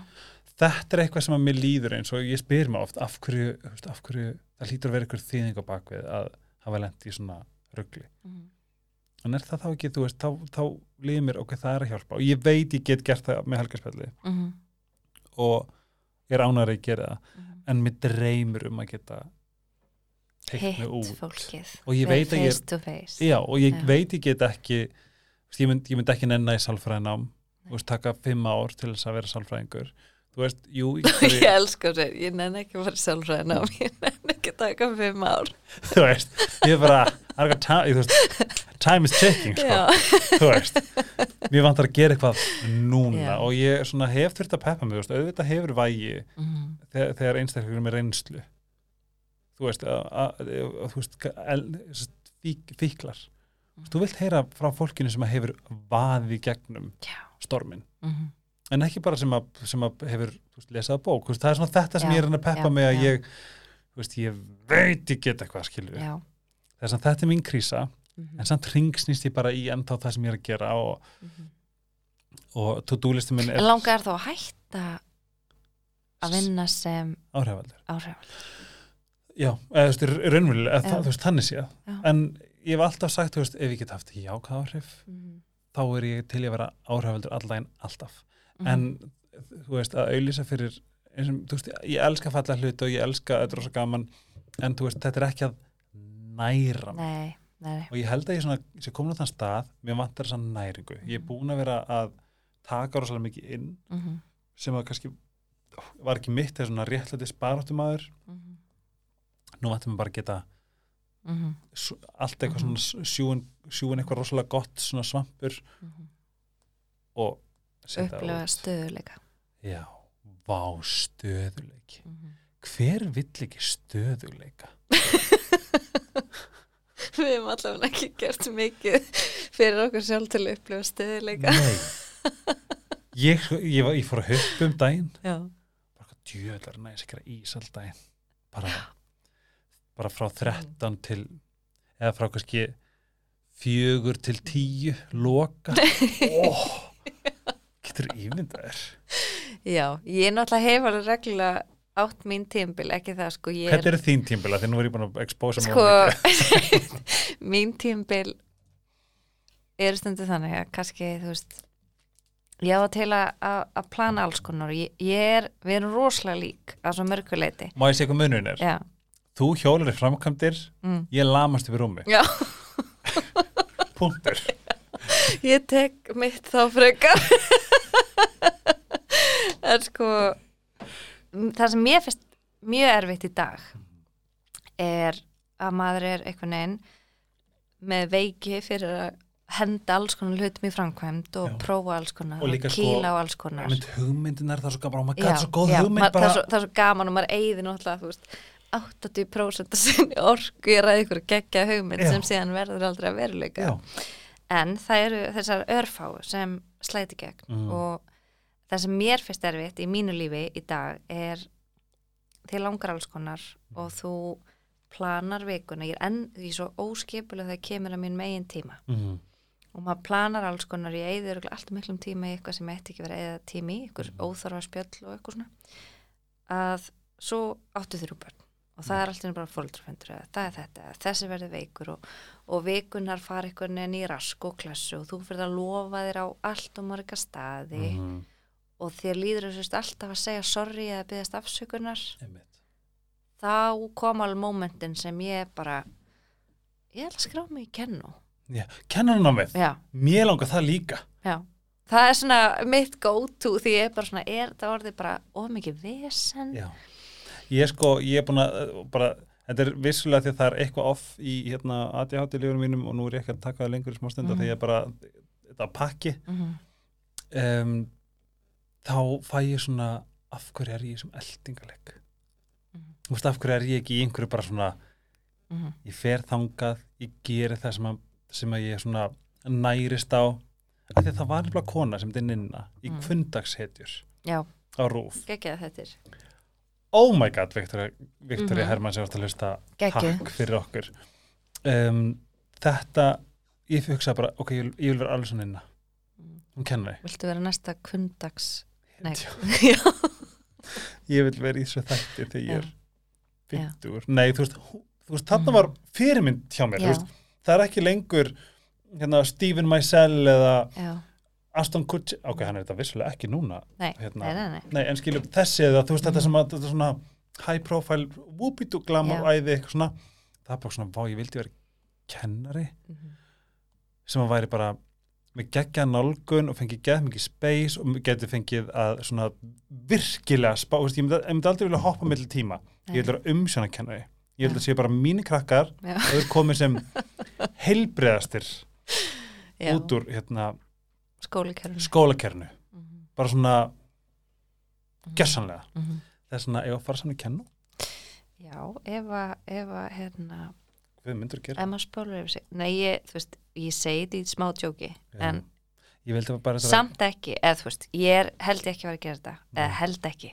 Það er alltaf ekki að planu Máli, ég næstu tíu ári ég er meira svona, ég nenni ekki náminn en ég geti til að vera kennari. Nei, ég hef nefnilega hugsað að tjóðlega veri ógesla næs að vera bara í námi. Allavega uh, ég held að við sem ekki fara að gera þetta Sjálf. því ég held að innstinni Mhm. nærumst við á ringavillisunni Mhm. og okkur finnst ógæslega gaman að vita eða ekki hvað gerist á morgun Mhm. Það er ógeðslega gaman og ég hugsa ótrúlega oft þegar ég hitti bara vini og vandamenn og fólk er eitthvað svona það er mánudagur á morgun. Mm. djöðl nenni ég ekki vinna Já, og þá hugsa ég oft og stundum hugsa ég alveg, ég nenni ekki heldur. Ég er að fara að þrýfa skólan eða þú veist fara á sorpu eða gera alls svona hlut sem ég þarf líka að gera.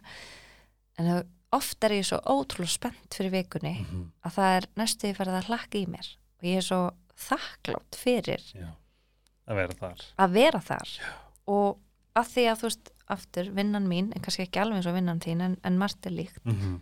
Að mæta hitta fólk og þessu fyrir mig sem er búin að vera svona lengi þá er maður oft bara yes, ég er að vinna með þessum ljósmyndra ég er að vinna með þessum stílista, Mhm. ég er að vinna vákaður gaman að hitta þennan tökumann eða hvað það er.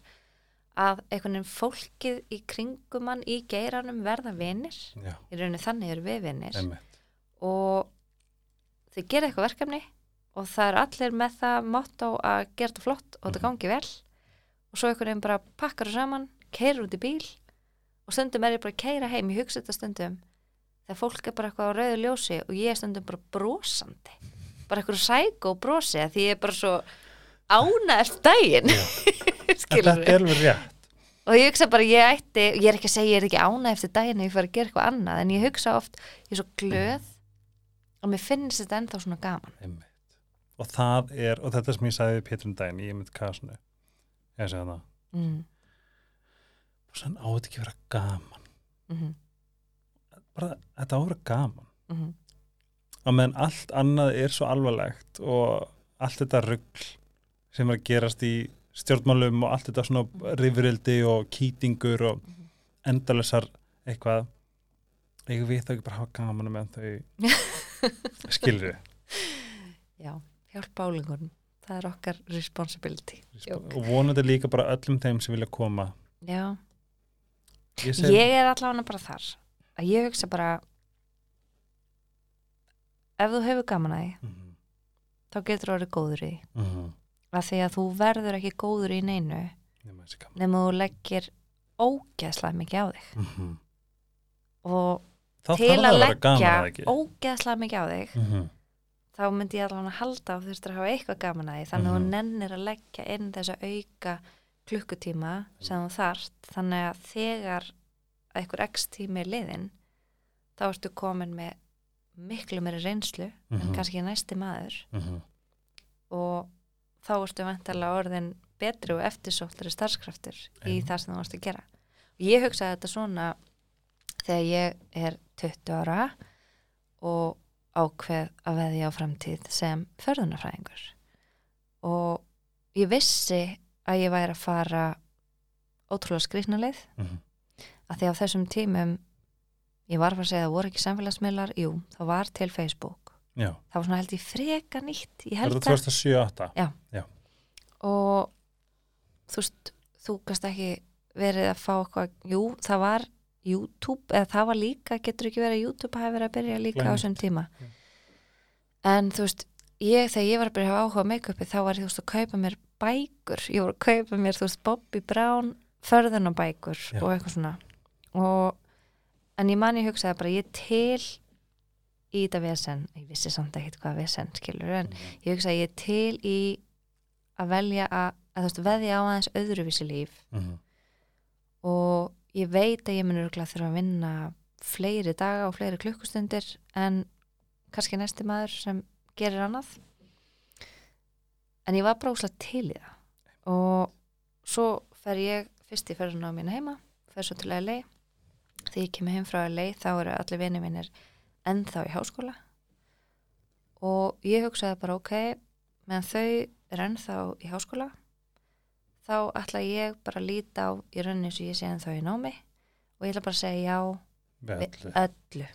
Ég ætla bara mergsjúa allt fyndi að það er svo gaman, ég ger þetta líka. Já, ég bara flutt í bæinn, mm ég bara hafði sambandi fólk. Ég bara, ég veist, ég er svo stoltur af þessum helga. Já, af því að þú veist, ég veit ekkert hvort hann myndi hafa öryggi, sjálfsöryggi sem, að, Mhm. sem er sem, það sem ég er í dag. Mhm, ég tala af alla, ég tróð mér inn á kaffibarinn, mhm, ég bara networka eins og motherfucker og var að, þú veist, ég vann bara fullt af verkefnum átjánara mhm, en svo, veist, sem ljósmyndari þá ætla að rukka ekki neitt og ef ég fekk, fekk launa þá bara, oh my god, ég 30 skatt, mhm, þú veist, ég mhm. tók þennan pól, Mhm. skilur við En ég hugsaði líka því að þú veist, vini mín er ykkur úr Íslandi, aðrir voru í útlöndum. Og þá sá maður samt og þeir sem fóru í háskóla fóru kannski eftir háskóla í svona internship. Mhm. og þá fórstu kannski að því ég kannski tilherði svona vinahóp sem fór margir fóru svolítið sína leið Já. en fóru samt meiri mentaleið eða lengri mentaleið Mhm. að og það veðiði allir bara svolítið á það sem þeir langaði að gera Mhm. kildu allir bara pínu á það og, og þá hugsaði ég bara ok en ég meina ef að Haffi, vinnu minn hann Ha- Hafsteinn og Kartas í Mhm. Hafstór og Hafstúdjó, þú veist ef hann getur verið í starfsnámi okkur gefið ykkur hönnunastofu kynnist þið gegnum við Kartas kennumst í MS já, Já. Að þá get ég alveg eins verið bara hérna í stöðu tvö húsinu með Mhm. fríðumarju sem var þá geitin. bara geitin uh, að gera ykkurar smáralundarferðir og svona svona svona. Og ég hugsaði alltaf bara ég er ekki að vinna frýtt Mhm. ég er í fríum skóla. Já, já, einmitt ég fæ að standa hérna og ég fæ að horfa á hana vinna. Mhm. ég fæ að sjá allt sem hún er að nota kynnast öllum sem er í kringum kynast hana öllum sem er í kringum hana og svo virkar þetta einhvern veginn þannig að svo ert þú einhvern veginn stelpan sem fylgir hinum og þessum svo kemur að því að það er eitthvað verkefni og sá aðeins kemst ekki sem er vanur að vera taka öll þessi verkefni Mhm. og þá kannski getur hún sagt nei, en ég get bóðið þér hann hörpu aðstofa mannskjörna mína, data, data Mhm. og þannig færði jobbin þú veist, að því þú þarft einhvern veginn en ef ég hefði ekki gert þetta. Þá hefði öruglega ekkert eitthvað Ari Magg verið að fara að ringi mig Nei. og segja bara hæ, hörðu, við erum Nei, þetta, þetta, þetta, þannig að þú veist, eina sem maður hafði að því aftur, það voru ekki samfélagsmiðlar. Já. og ég er ekkert mjög góð í dag á samfélagsmiðlum. Ég bara, mér stórum með geggja Instagram. Á, takk en þú veist, það er, það er ekki mitt þeng að þú veist, þú gast ekki verið eitthvað svona halló heimur. Mhm. þetta hef ég upp á að bjóða. Einmitt heldur þurftur bara að vera halló heimur. Ég er hér, Já, ég, ég er mætt og ég ætla að vera ógislega tuglega og ég kem fyrst og ég fer síðust og, og þannig einhvern veginn en auðvitað í dag getur unnið kannski hraðar upp með því að gera alls konar content eða Mhm. svona sína heiminum hvað í þér býr. Það er kannski auðveldar í dag heldur en það var Já, þá. Eða ég veit ekki. Mér finnst það bara svo góður þetta er svo, svo rétt hjá og ég aldrei spáði í þessu svona samt fór ég þessa leið líka. Mm -hmm. Þú veist, það bara veist, ég bara hringdi Mhm. ég man, einhvern veginn verið að sé á heyrt það sem var stóð, og, ég er fucking, ég er, á, ég er 19 ára eitthvað, Mhm. það stóð ljósmyndar stjarnana og þá var ég bara búin að ringja í bara, ég skal bjóða myndtöku er þú til myndtöku Skil, þó að Já. ég, ég vissulega ekki ljósmyndar stjarnana en það meira svona, þú veist 19, 18 Já, ára ég var bara, já. já. wow Já. þú veist, þetta, hefur alltaf áhrif en þú veist, ég vann þú veist, ég vann fyrir vikuna Mhm. frítt, Mhm. 18 ára Mhm. en það var líka bara, oh my god Mhm. það er bara geðveikt, Mhm. svo held ég kannski aftur eða var í skóla með þig Mhm. og mig maður gat gert ákveðin hluti allan eins og ég, ég var ballaus Mhm. jú, jú, maður var að leiði eitthvað stennir í bæ og eitthvað svona skilur, Mhm. maður þurfti að skrapa saman þá einhverju lámarsteikjum til að geta bara, já, borga leiguna og alltaf stöðumálsektina sem fylgdi ég búin í bæ uh, en svo einhvern veginn, en ég veit að það er kannski erfiðar að að fara að segja þessa sögu og segja ykkur um hvernig hann á að gera hlutina eða þú ert Mhm. svo bara að byrja kannski í ykkur geimi daldi setna eða Já. átt þrjú börn eða eitthvað þá virkar þetta mentalitet eiginlega ekki sko Nei. en það er allavega það sem að gera í dag en aftur úr því að við erum bara búin að babla um allt og ekkert og fólk sem er að hlusta það er bara hvað er í gangi? Ó, hvað veistu, eru ég þið að Ég er að tala? njóta mín svo vel. Að því að þú veist aftur vil ég er pínu að afsaka fyrir þá sem eru að hlusta að því að við heyrum það regla að þeir sem eru að hlusta á okkur tala saman. Já. fólk er bara, þeir eru svakaleg þegar þeir byrja, þeir bara úr þessu í þetta og bara Mhm. enginn fylgist með og við erum kannski ekki svona skýr hvað erum að tala um hverju sinni.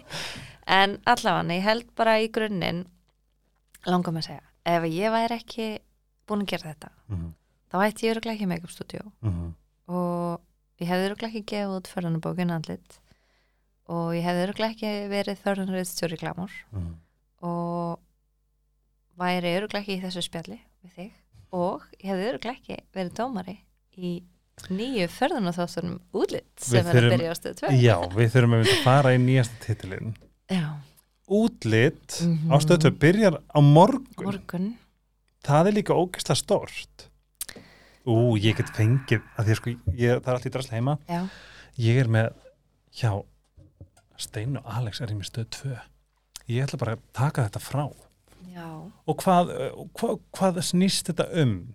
Erum við ekki að tala um þetta að sé pínu eins og þarna face, nei það er ekki face það var þarna, það var þarna það er svona kvikmynd eitthvað, svona latex og eitthvað sko þetta er í rauninni Var Það er ekkert-? Nei, Nei, sko þetta er í rauninni ekki uh, svona endurgerð af einhverjum ákveðum þátt nei, já. Hvað er þetta? Þetta eru ferðina þettir og það eru sem sagt átta keppendur sem taka þátt geggjaðir Ég keppendur kannast við Ágústu hún er indisleg Hún er rosal, líka bara förðunar já, kapasiteti já, hennar. Og bara geggjaði karakter. Þannig að þetta eru sem sagt átta aðilar Mhm, í keppni. Mhm. og, Þetta er ykkur út? Já, í hverjum ah, Er það ekki erfitt? Jú, það er bara viðbjör uh, en sem sagt þetta eru ég og Ísak Freyr vinnu minn, erum dómarar. Og svo er hún Marin Manda er þáttastjórnandi og Mhm. Marin Manda á hugmyndina Mm. þetta er handrit eftir hana. Og svo er það Orkafilms, Lulli í Orkafilms sem framleiðir þetta með held í Marin, já.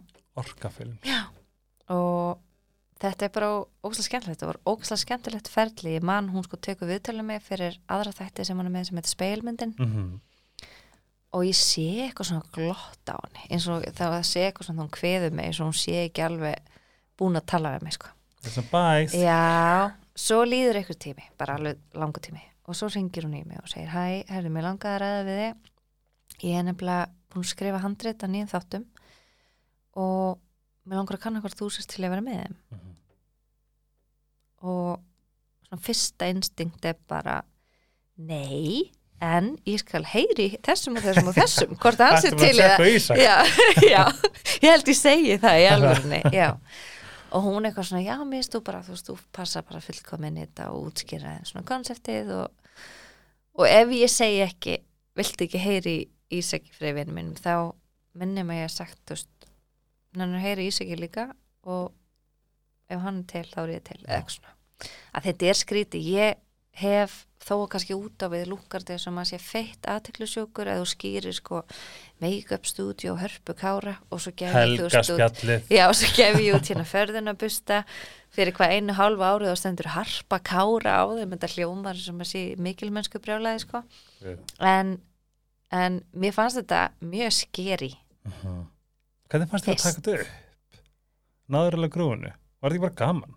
Ég hef bara búin að sjá eitt þá hann lofa mjög góðu, Já, mjög góðu og þú veist, þetta er þetta er risa framleiðsla Ég Þetta er nefnilega, ég, er svolítið forvitin, hvar tókuðu þetta upp? Við tókum þetta upp uh, í stúdíu sem stöð 2 eða stöð Já, 2 ok. sem sín á Já. en þetta er Þetta er ekki smá uppsending þetta er engin smá uppsetning Mhm. og þetta er sko ekkert smá stórt krú þú veist, Mhm. tökukrú, hljóðmenn allt þetta er bara huge Mhm. þannig að hérna ég get ekki alhæft neitt en ég veit að það er svaklega mikið lagt í þetta. Já. og ég held þetta lofi bara mjög góðu. Maður ætla að vona bara að fólki heima fílda og maður er Mhm. náttúrulega ekkert eðla stoltur sko af þessum stelpum. Að þóra að taka þátt. Þú veist, þetta er náttúrulega veist, þetta er ekki beint raunveruleika sjónvarp en þetta er þetta smá raunveruleika sjónvarp Mhm, og þú ert bara einhvern veginn að berskjalda þig svakalega, þú veist, eiginlega keppi í hæfileika. Mhm. þú veist, þetta er alveg Ég er náttúrulega elska ekkert meira svona keppnistætti sem eitthvað dettur út. Nei. Survivor, halló. Já, þannig að þú veist ég er nefnilega ekki mikið fyrir svona reality tv sko. Ég er bara náttúrulega almennt bara varður leðileg kettling eftir ég eignast þessa tvíbura og horfi mér lítið á neitt. En maður getur bara krossa fingur að að fólki heima fylgda við allavega gerðum okkur besta og höfum ógæslega gaman af langt ferli þú veist að þú veist, með svona þættir alls konar brainstormfundir og hugmyndir og far fullt af hugmyndum sem þeir langar að gera sumt getur ekki gert sumt er útvært öðruvísi. Mhm. en ég held við höfum verið öll bara geggja teimi það er æðislegt að vinna með Marín og Lúla, þau eru Mhm. bara geggjuð og það hjálpaði mér að fara í svona verkefni að hafa Ísak Já, Ísak Frey, ég veit ekki það er and allir sem vita eitthvað Já. ferðun að vita hver hann er uh, það, mér varst geggjað að hafa hann og sem er dálítið fyndið því að hann er, við erum búin að vera saman from day one, við kynnumst við erum saman í bekk í make-up skóla Var það ekki M? M, jú Já. þannig að við Var það bara ekki niður í bæ? nefur og grens á Já, þannig að við kynnumst þarna saman já. þannig að við erum búin að gera þetta nákvæmlega jafnlengi Einmitt. upp á dag og hefum alltaf verið góði vinni þannig að ég held svona í grunninn reynd við bara að hafa gaman að þessu já. svo bara, þú veist hvernig þetta er er þú svo, kannski erst vanari en þú veist, svo sér maður eitthvað klips og maður er bara eitthvað, guð, lítið svona út eða Það er, er- röddin minn svona ég veit það. allt þetta Ég er bara, það er, mér finnst það er þetta bæði klippa helgarspjallið. já, Eh, Ég er bara, mér bara að klippa allt út sem ég segi. já, og, og ég hef innilega ekki séð það er þáttur sem ég í. Horfur bara ekki neitt? Sko, e- eitt skipti var í, nei, ég hef alltaf búið í Danmarku. Þess að það var ekki, þarna var ekki, já. þú veist, maður gæti vera með þetta netinu og svona. nei, nei, nei Þess að ég á, áðægilega bara svolítið inni að horfa á mig er upp á að nýtt. taka já, fara upp í sumabústa ekki tíma með pop og kók og horfa á allt Já, stöffið sem við tekið þátt í. Og ég held þetta sé sko, maður er svo kritisku sjálfur. já, að en ég eitt sem ég er svo forritin að því að eins og í RuPaul þá er þú veist, er veist Anastasia Beverly Hills. Mm. hér er þið með Anastasia Beverly Hills veginn og í Project Runway. Now here you have the það hétt einmitt mút held ég.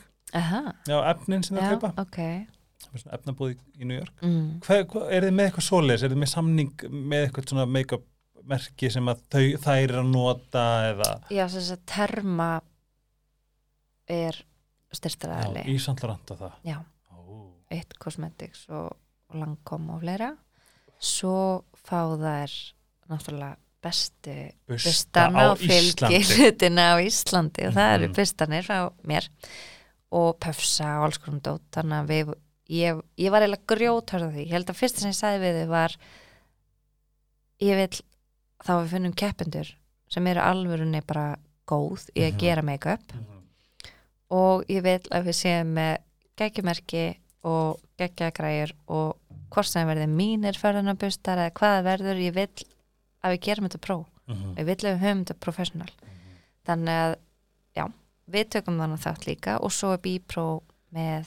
Hárvörur En það er líka svo gaman, er þetta ekki alls konar challenges? Þegar ég sá að það var Já. eitthvað svona fantasy og það var alls konar, alls konar, Jú, alls konar. það er bara alls konar Þú máttu segja hvaða, eða svona máttu gefa dæmum. Nei, ég held ekki Þið verður bara nælikur í áskrift að 2 Einmitt. þú ert ekki að fara í heimsókn þú bara bara gerði því brók og kaupir þér áskrift Og veist, neðra vestu þegar sko, ég ætla að vinna upp á sín, sko. Ég, ég á að fá, geta fengið. vinnur upp á sín og ert ekki með stöð 2 Já, já. Ég er bara, þú veist, ég er bara, það er bara, ég er eitthvað svona, já, en ég er ekki með stöð 2, þau er bara, hvað er að þið? Farið niður og náður eitthvað svona, þú veist eitthvað svona. já, ok, Og ég er bara svona eftir að gera það. já gerði Ég- það þá fyrir morgundaginn Er það grínast? Eða, eða bara fara allt til steinar og aðeins. En það eitt, mm það farið, já, já, það er svo það er. Já, En jú, jú, förnabustanir Já. Þeir eru í alvörinu góðir. Alveg alvörinu ógæðislega góðir. Hvað, þú hlýtur að hafa testað á lengi?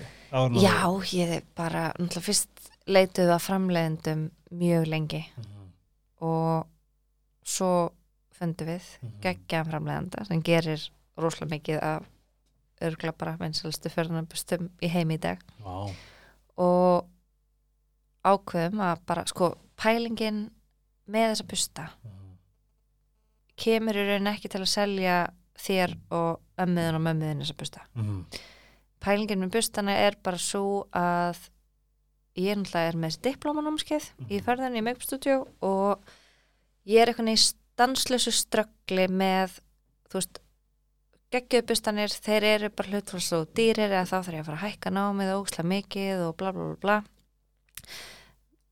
til að búa til fagfólk þá langaði mér samt ekki að fara í ódýrasta ódýrasta þó Mhm. það sé kannski bara fint fyrir svona ykkur konur sem notar mjög lítið en þú veist þetta er bara svo fer ekki að læra smíði með bara ódýrustu verkfæri í heimi því langar að kenna á gæði og, og ég fer að hugsa þetta bara hörðu sem bara hvaða bara, við setjum rauninni saman ég og maður minn eða kærasti minn setjum lista bara gerum bara svona sett með mínum uppáhaldsbustum. Mhm. bara það væri svona busti, svona busti, svona busti, svona busti. Og við náum að setja saman geðvitt sett með 25 bustum. Og pælingin var þá að bjóða bara nefndum á diplómanámskeim upp á þessa busta. Svo var þetta alltaf miklu flóknara dæmi og þú fær sendt endalust test og ekki svona og mágjör svona og bla bla bla. En svo var líka pælingin að því ég er svo mikið með eða var mikið með verð mögulega aftur mikið með uh, svona helgarnámskeið og Mhm. þegar ég fæ svona hópa að koma í eina kvöldstund og svo leiðis og ég hefur rosalega gaman af þeim námskeiðum og þá er maður að fá fólk sem vill bara koma og það vill læra eitthvað ákveða, vill ekkert læra endilega rosalega flókið Nei. en það vill vera matað bara, þú notar þennan busta Mhm. þarna, undir aukbein da, da, da, da, skilur þetta og þá hugsa ég það er líka geðvikleið að geta matað þér með og þú getur fengið þennan busta svo þú getur farið heim og fyrir vinnunni í fyrramáli getur þú leikið eftir það sem ég er að kenna þér núna. Einmitt. Í staðan fyrir að segja, svo þarf þetta að fara þarna, þarna, þarna og fjórum mismundi staði, eigða 98.000, ég skilur allt þetta. Mhm. þannig að ég hugsaði bara það er geðvegt að hafa make-up stúdíu og busta og gæða busta og busta sem að ég hugsaði þetta er risa fjárfesting, þú ferðu að gera svona. Mhm. busta sem að ég treysti mér að mögulega kenna á næstu árin af því þú, þú ferð ekkert í svona framlýsildæmi nema þú, eh, þú þarft að framlega freka mikið Mhm. þegar þú ert að byrja með svona. Og, og nota sjálf. Og nota sjálf. Og, og það er náttúrulega líka maður það bara að hugsa þú, veist, þú setur þú gerir ekkert svona og þú kýst ekkert að gera svona nema þú treystir þér til einmitt, að vinna með þetta sjálf. Einmitt. og ég myndi segja að þetta sé einn besta hugmynd sem ég hef fengið Mhm. því að þetta auðveldar mér ótrúlega mikið. Mér finnst auðveldar að miðla Mhm. og leiðbeina eftir að ég tók þessa ákvörðun að gera þetta. Mér finnst fólk fljótar að ná hlutunum. Mhm. og pælingin var ekkert að fara með þetta í verslanir eða selja þetta út úr húsi.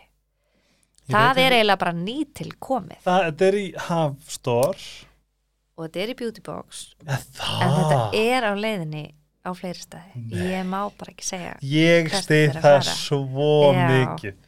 En svo er þetta bara svo margt veist, þetta er ekki bara komið veru þetta eru pakningar, þetta eru umbúður þetta eru vörulýsingar, ég meina það er eitt og hálft ár síðan. Og ég er ekki svona búin að vera með eitthvað lánsparti einmitt. Af því ég er svolítið svona ídellu til hliðar. Mhm. eða hef ekki tíma. Mhm.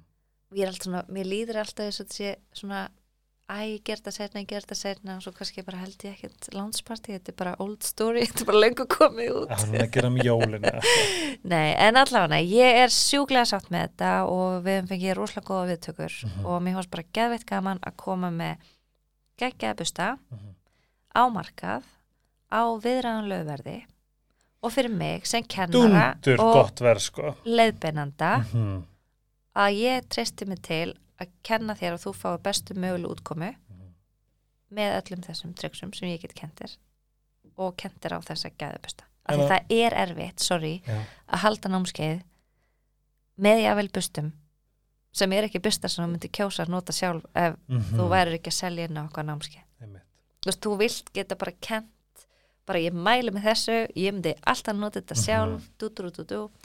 þannig að já, ég er bara ég geðvikt ána með þetta. Ég, Ég- geðvikt mátt- ána að ég hjóla í þetta. vera, þetta er satt, þín, þín síða er makeupstudio.is makeupstudio.is það er líka vefverslun. Þú ert líka með allt setti, þú ert með andlit settið. Facet, Facet, iSet, Mini Pro og nú er ég bara að spóila, ég er ekki búin að segja, þetta neins þar Ok. að uh, við erum líka að fara að setja saman uh, og þú getur keft mögulega ykkur á vinsalstu bustunum staka og mögulega keift svona dúo, tvo saman. Það verður Mm. væntarlegt fyrir jólin. Svo erum við með fullt af öðru. Við vildum í rauninni pælingin með Silki kotta er? Já, þau eru undir búin. Eða? Ég hef ekki átt pening til að láta framlega fleiri. Að því við erum búin að eða peningunum í annað sko. En pælingin með sko vefverslun og makeupstudio.is var að gera svona geggja næs próbúð, Já, já, já. próbúð með vörum Já, við erum ekki með sinnstöður, við erum bara með svona fylgiluti en pælingin var, mér langar að hafa svona umgjörð með ógæsla snetti og næslutum og þá hugsaði ég til dæmis hvað gerði ég í tíu ár fyrstu tíu árun í mínu lífi Mm. sem förnafræðingur ef ég fór til útlanda þá veit ég einum og hálfum degi í að þræða búðir. Mhm.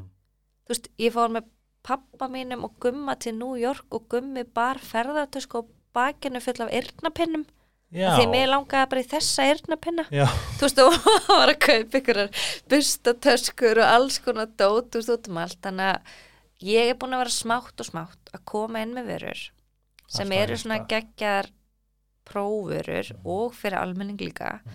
af svona það sem er næs að hafa í kittinu sinu Mhm.